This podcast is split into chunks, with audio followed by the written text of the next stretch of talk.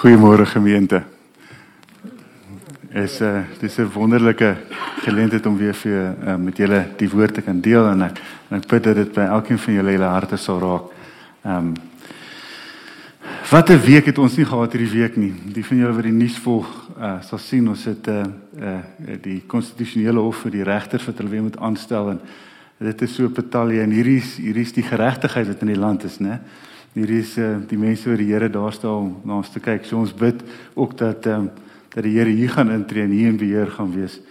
Ons het massa aksies van die Unies daar by my ou werk sien ek daar was 'n geskietery gewees. Dit is ehm um, die polisie uh, kommissaris en die minister beklei. Ehm um, daar's maar daar's maar baie geraas. Nou hoor ons ook daar's 'n fourth wave. Ehm um, dink die wêreld kan moeilik en swaar wees. Uh, uh en as jy luister na alles wat daar aangaan dan klink verskriklik. Ehm uh, maar gelukkig is ons nie van die wêreld nie, né? Ons is net uh, ons is net in die wêreld. Uh, en ons weet dat ons hoop en ons vrede rus in die Here. En dis vir dis vir ons heil lê. Ehm um, ek gaan vandag ehm uh, die teksvers is uh is in Filemon. Ehm um, dis interessant. Ek gaan vir julle die hele boek lees, maar dit is nie baie lank nie, so moenie bekommer nie. Maar julle kan ook sê jy moet nou die hele boek in die in die uh, preek gelees. Ek weet nie of dit 'n tickbox ding is nie, maar Okay, so ek hoop julle kan daai sien. Okay, mooi. So ons begin op ek het die 83 vertaling hier, maar julle kan gerus volg in julle Bybels ook. Dit is van Paulus, 'n gevangene ter wille van Jesus Christus en van ons broer Timoteus. Aan Filemon, ons vriend en medewerker en aan ons suster Afia en aan Agrippus, ons medestryer en aan die gemeente wat gereeld in jou huis bymekaar kom. Genade en vrede vir julle van ons God, ons Vader en die Here Jesus Christus. Filemon se geliefde in geloof. Elke keer as ek bid, dink ek aan jou en ek dank my God omdat ek hoor van die liefde en trou wat jy aan die Here Jesus en die gelowiges bewys. My bede is dat die gemeenskap wat jy deur die geloof met ons het, jou 'n dieper insig sal gee en al die goeie dinge wat ons vir Christus kan doen. Jou liefde het vir my groot vreugde en bemoediging gebring omdat jy my broer die harte van die gelowiges verkoop het. Daarom het ek in Christus die volste reg om op jou op jou plig te wys. Al al het ek die volste reg om jou op jou plig te wys, doen ek liewer 'n beroep op grond van die liefde. Dit doen ek Paulus wat 'n ou man is en ook 'n gevangene ter wille van Jesus Christus. Ek doen 'n beroep op jou in belang van my kind Onesimus. Hier in die gevangenis het ek sy geestelike vader geword. Voorheen was hy nie vir jou bruikbaar nie, maar nou is hy baie bruikbaar vir jou sowel as vir my. Ek stuur hom na jou toe terug en my hart gaan saam met hom. Wat my betref, sê ek hom graag by my wil hou sodat hy in my plek kan dien terwyl ek ter wille van die evangelie gevangene is. Maar ek wou niks sonder jou instemming doen nie, sodat jou weldaad nie uit dwang sou wees nie, maar uit vrye keuse. Miskien was hy 'n kort tydjie van jou weg gewees, juis sodat jy hom vir altyd sou terugkry. Nou nie langer net as 'n slaaf nie, maar meer as 'n slaaf, as 'n geliefde broer. Dit is hy besonderlik vir my. Hoeveel te meer sal hy dit ook nie vir jou kan wees nie. As mens en as broer in die Here. Dis as jy my deelgenoot in die geloof beskou, ontvang hom net soos jy my sou ontvang. As hy jou enige skade aangedoen het of iets skuld, sit dit op my rekening. Hier skryf ek, Paulus, met my eie hand, ek sal betaal. Jy hoef natuurlik nie um, daarin te herinner, ek hoef jou natuurlik daarin te herinner dat wat jy is, jy aan my te danke het nie. Ja broer, in die naam van die Here, bewys my hierdie guns. Maak my hart bly soos 'n broer in Christus. Ek skryf aan jou in die vertroue dat jy sal doen wat ek vra. Ek weet dat jy selfs meer as dit sal doen. Hou sommer ook vir my huisvesting gereed want ek hoop dat God in antwoord op jou gebede my aan julle sal teruggee. Groete en heilwese. Epafras wat saam met my ter wille van Christus Jesus gevangene is, stuur vir jou ook groete. Ook my medewerkers Markus, Aristarchus, Demas en Lukas stuur groete. Genade van die Here Jesus Christus sal by julle wees. So, wat gaan hier aan? Dis 'n interessante storie. So wie is hierdie Onesimus? Hy's 'n slaaf en hy is in Rome, maar hy's nie in Rome 'n slaaf nie, want hy's eintlik Filemon se slaaf wat in uh, Kolossense is. En hy het weggehardloop natuurlik besluit hy's nou nie meer lus vir die slaaf ding nie, dis nie great nie. Het iets gesteel ook en toe vir homself 'n huis in Rome gaan maak. Nou Rome is ver weg en daar's baie mense in Rome. So daar's 'n goeie kans dat jy nie noodwendig herken sal word daar nie. Nou wat interessant is, is sy naam Onesimus beteken bruikbaar of behulpsaam. En wat doen hy toe hy in Rome is? Hy gaan help mense wat in die tronk is, né? Soveel soos wat hy, soveel soos wat hy weghardloop daarvan, is dit tog sy natuur om vir mense iets te doen om bruikbaar te wees en iets te doen. Hy word daar ook moontlike Christen, weet nie of hy voor die tyd al was nie, maar word moontlik daar Christen en hy help vir Paulus in sy roeping om goeders te doen. Ehm um, so interessante ding wat dit nogal hier vanaf kom is ehm um, hulle verwys na hom as Philemon van Byzantium. Uh, Byzantium is natuurlik die uh, Istanbul van vandag of ook vroeër Konstantinopel genoem. Ehm um, maar dis nie wenner waar hy vandaan was nie, dis nie heeltemal seker nie. Ehm uh, maar wat wel interessant is is dat Paulus het hom baie hoog geag. Ehm um, en dit is soveel so dat jy sal sien in Kolossense 4 vers 9 kry nog 'n shout-out ook ehm um, vers 9 Onesimus die getroue medegelowige wat ek baie liefhet en een van julle is gaan saam met hom. Dis nou Tigris wat die brief gaan aflaai. So hulle sal julle alles vertel van hier aangaan. So Tychicus, skus. So wat hy spoor sê is hier is eintlik 'n goeie ou en hy hy kom 'n paar keer in die Bybel voor. Maar maar wie's Philemon dan? Reg? Of in Engels sê hulle Philemon. Ek is nie ek is nie altyd seker wat eintlik meer verkies nie, maar dit klink heeltemal anders vir my.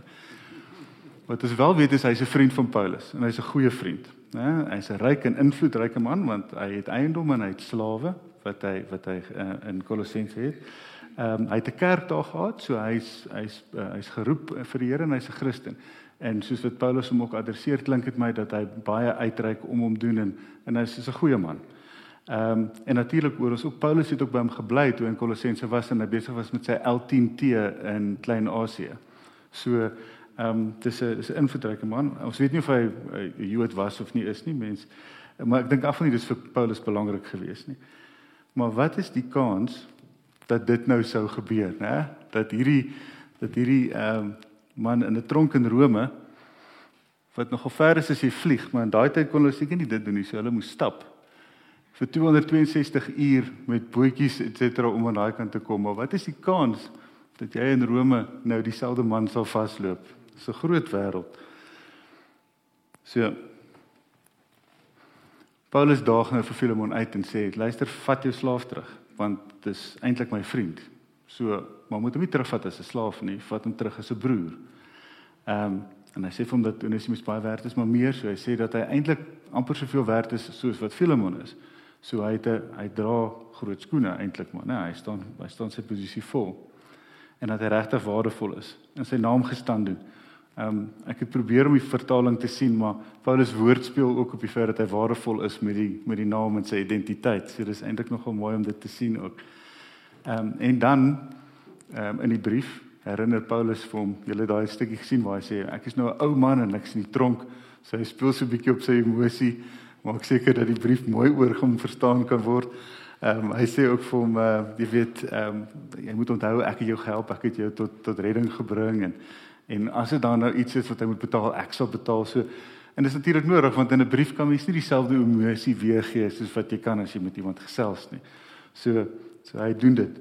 Maar hoekom doen hy dit? Hoekom doen hy soveel moeite om daaroor te skryf? Die wet is baie interessant hierso. Ek het vir 'n stukkie uit Eksodus 21 ehm um, gehaal hierso, ehm um, wat ek gou vir julle gaan lees. En uh, dit is die bepalinge wat jy die Israeliete moet meedeel. Natuurlik Moses wat die boodskap kry om die Israeliete mee te deel. Wanneer jy 'n Hebreëse slaaf koop, moet hy vir 6 jaar vir jou werk, maar in die 7de jaar moet jy hom vrylaat sonder dat hy iets daarvoor betaal.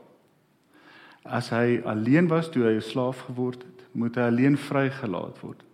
As hy toe hy getroud was, dan as as hy toe hy getroud was, sy vrou saam met hom Nee, ek sê dit net verkeerd. Ekskuus. As hy alleen was toe hy 'n slaaf geword het, moet hy alleen vrygelaat word. As hy toe getroud was, moet sy vrou saam met hom vrygelaat word. As sy eienaar vir 'n vrou gegee het en sy vir hom seuns of dogters in die wêreld gebring het, behoort die vrou haar kinders en die behoort die vrou se kinders en die vrou aan die eienaar. En dan hoef net die slaaf vrygelaat word.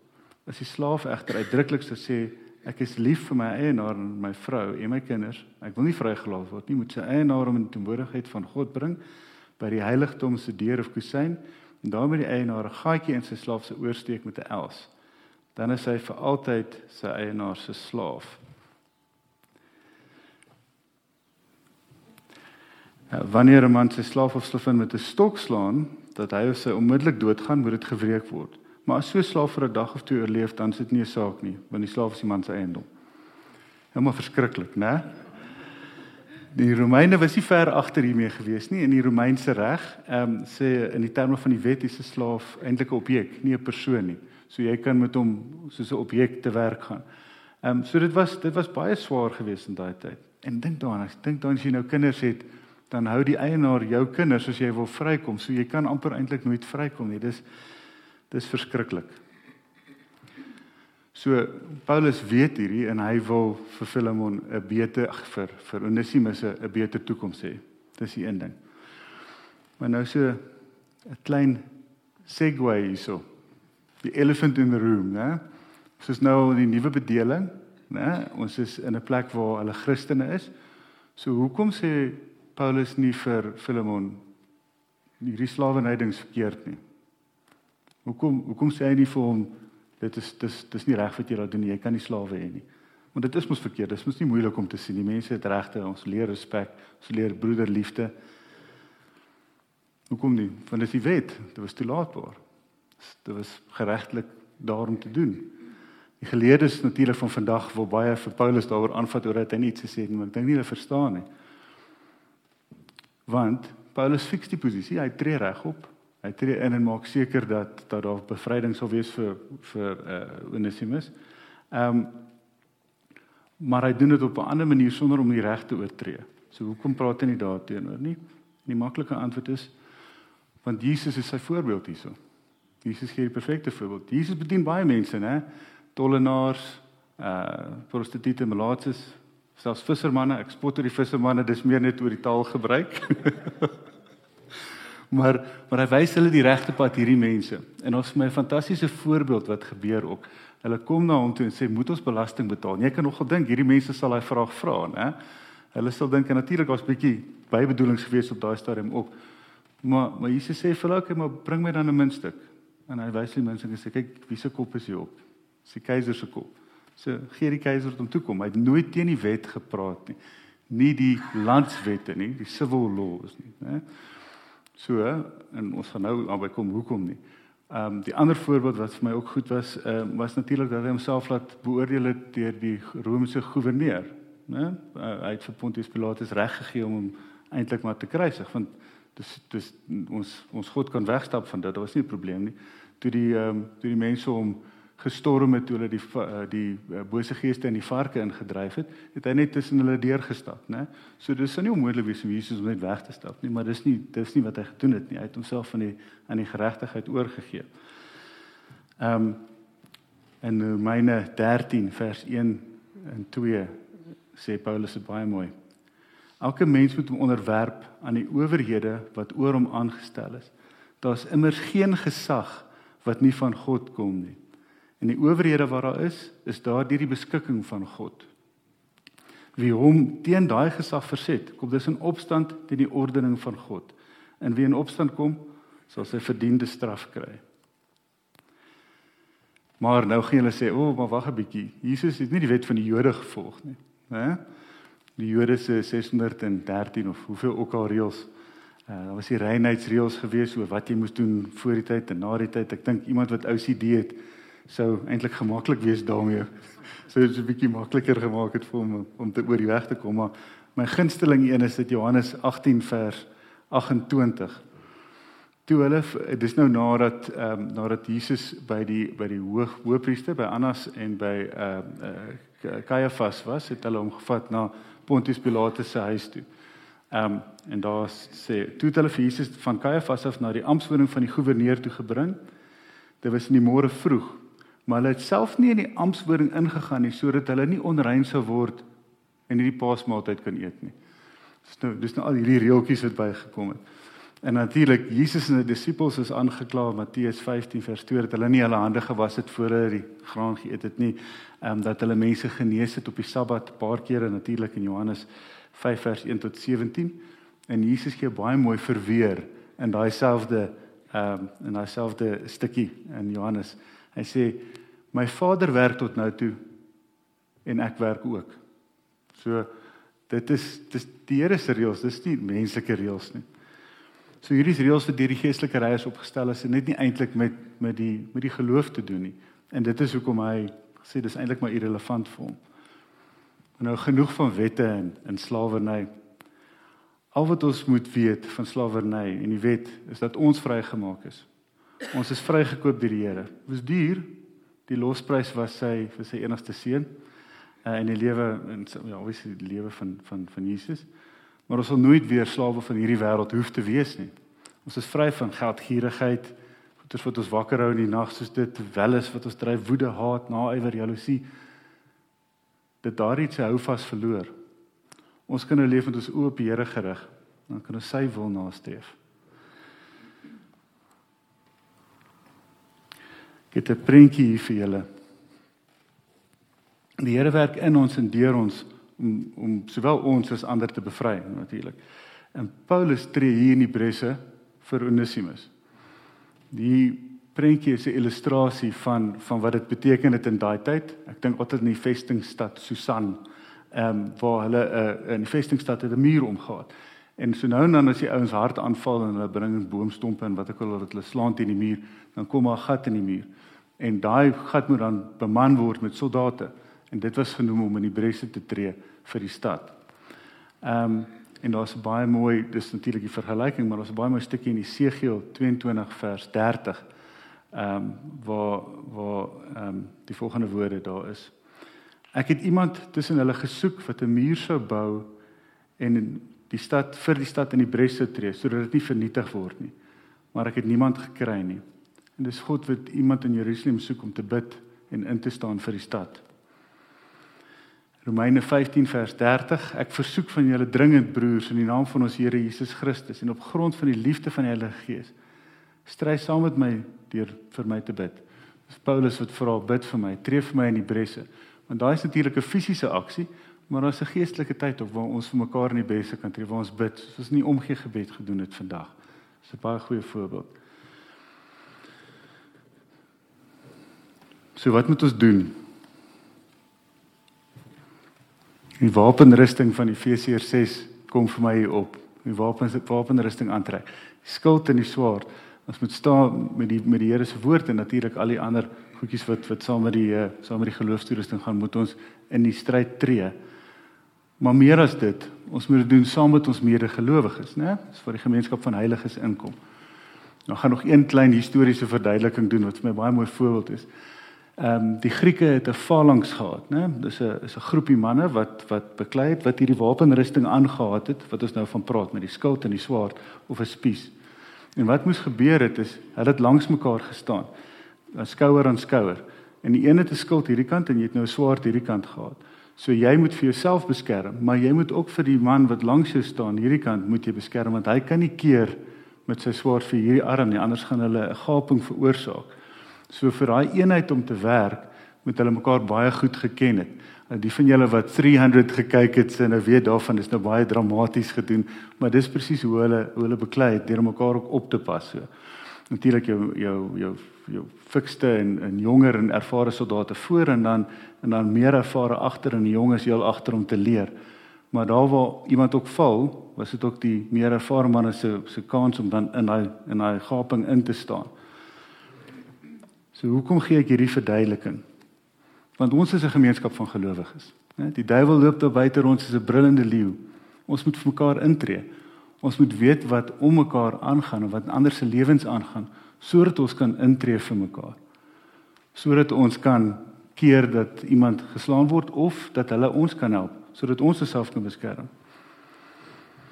Uh Efesiërs 2 vers 19 verduidelik dit ook vir my baie mooi.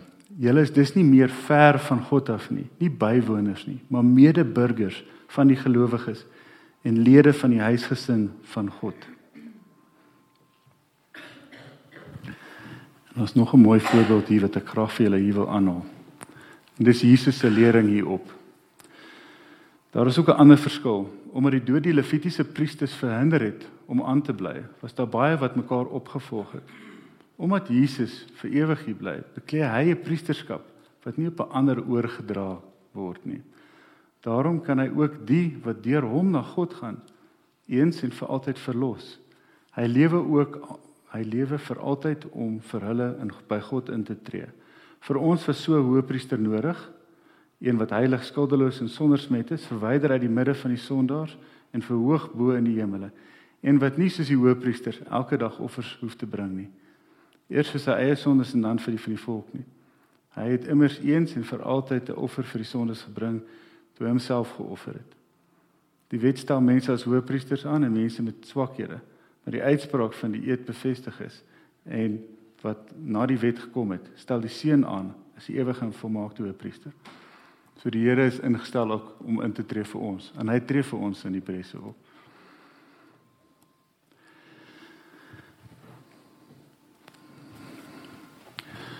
Natuurlik meer is dit ook ehm um, dis natuurlik ons identiteit ook hierdie. Ons is 'n omgee gemeente.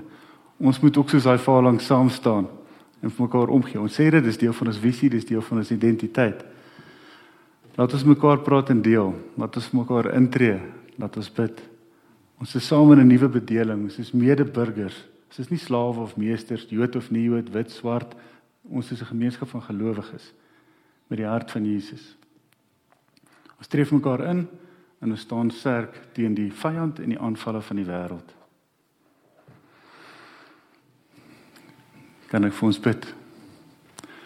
Ons Vader neem ons Here, baie dankie Here vir hierdie kans om om weer te leer oor oor wat die woord vir ons in het en hoe ons mekaar moet koester en, en oppas.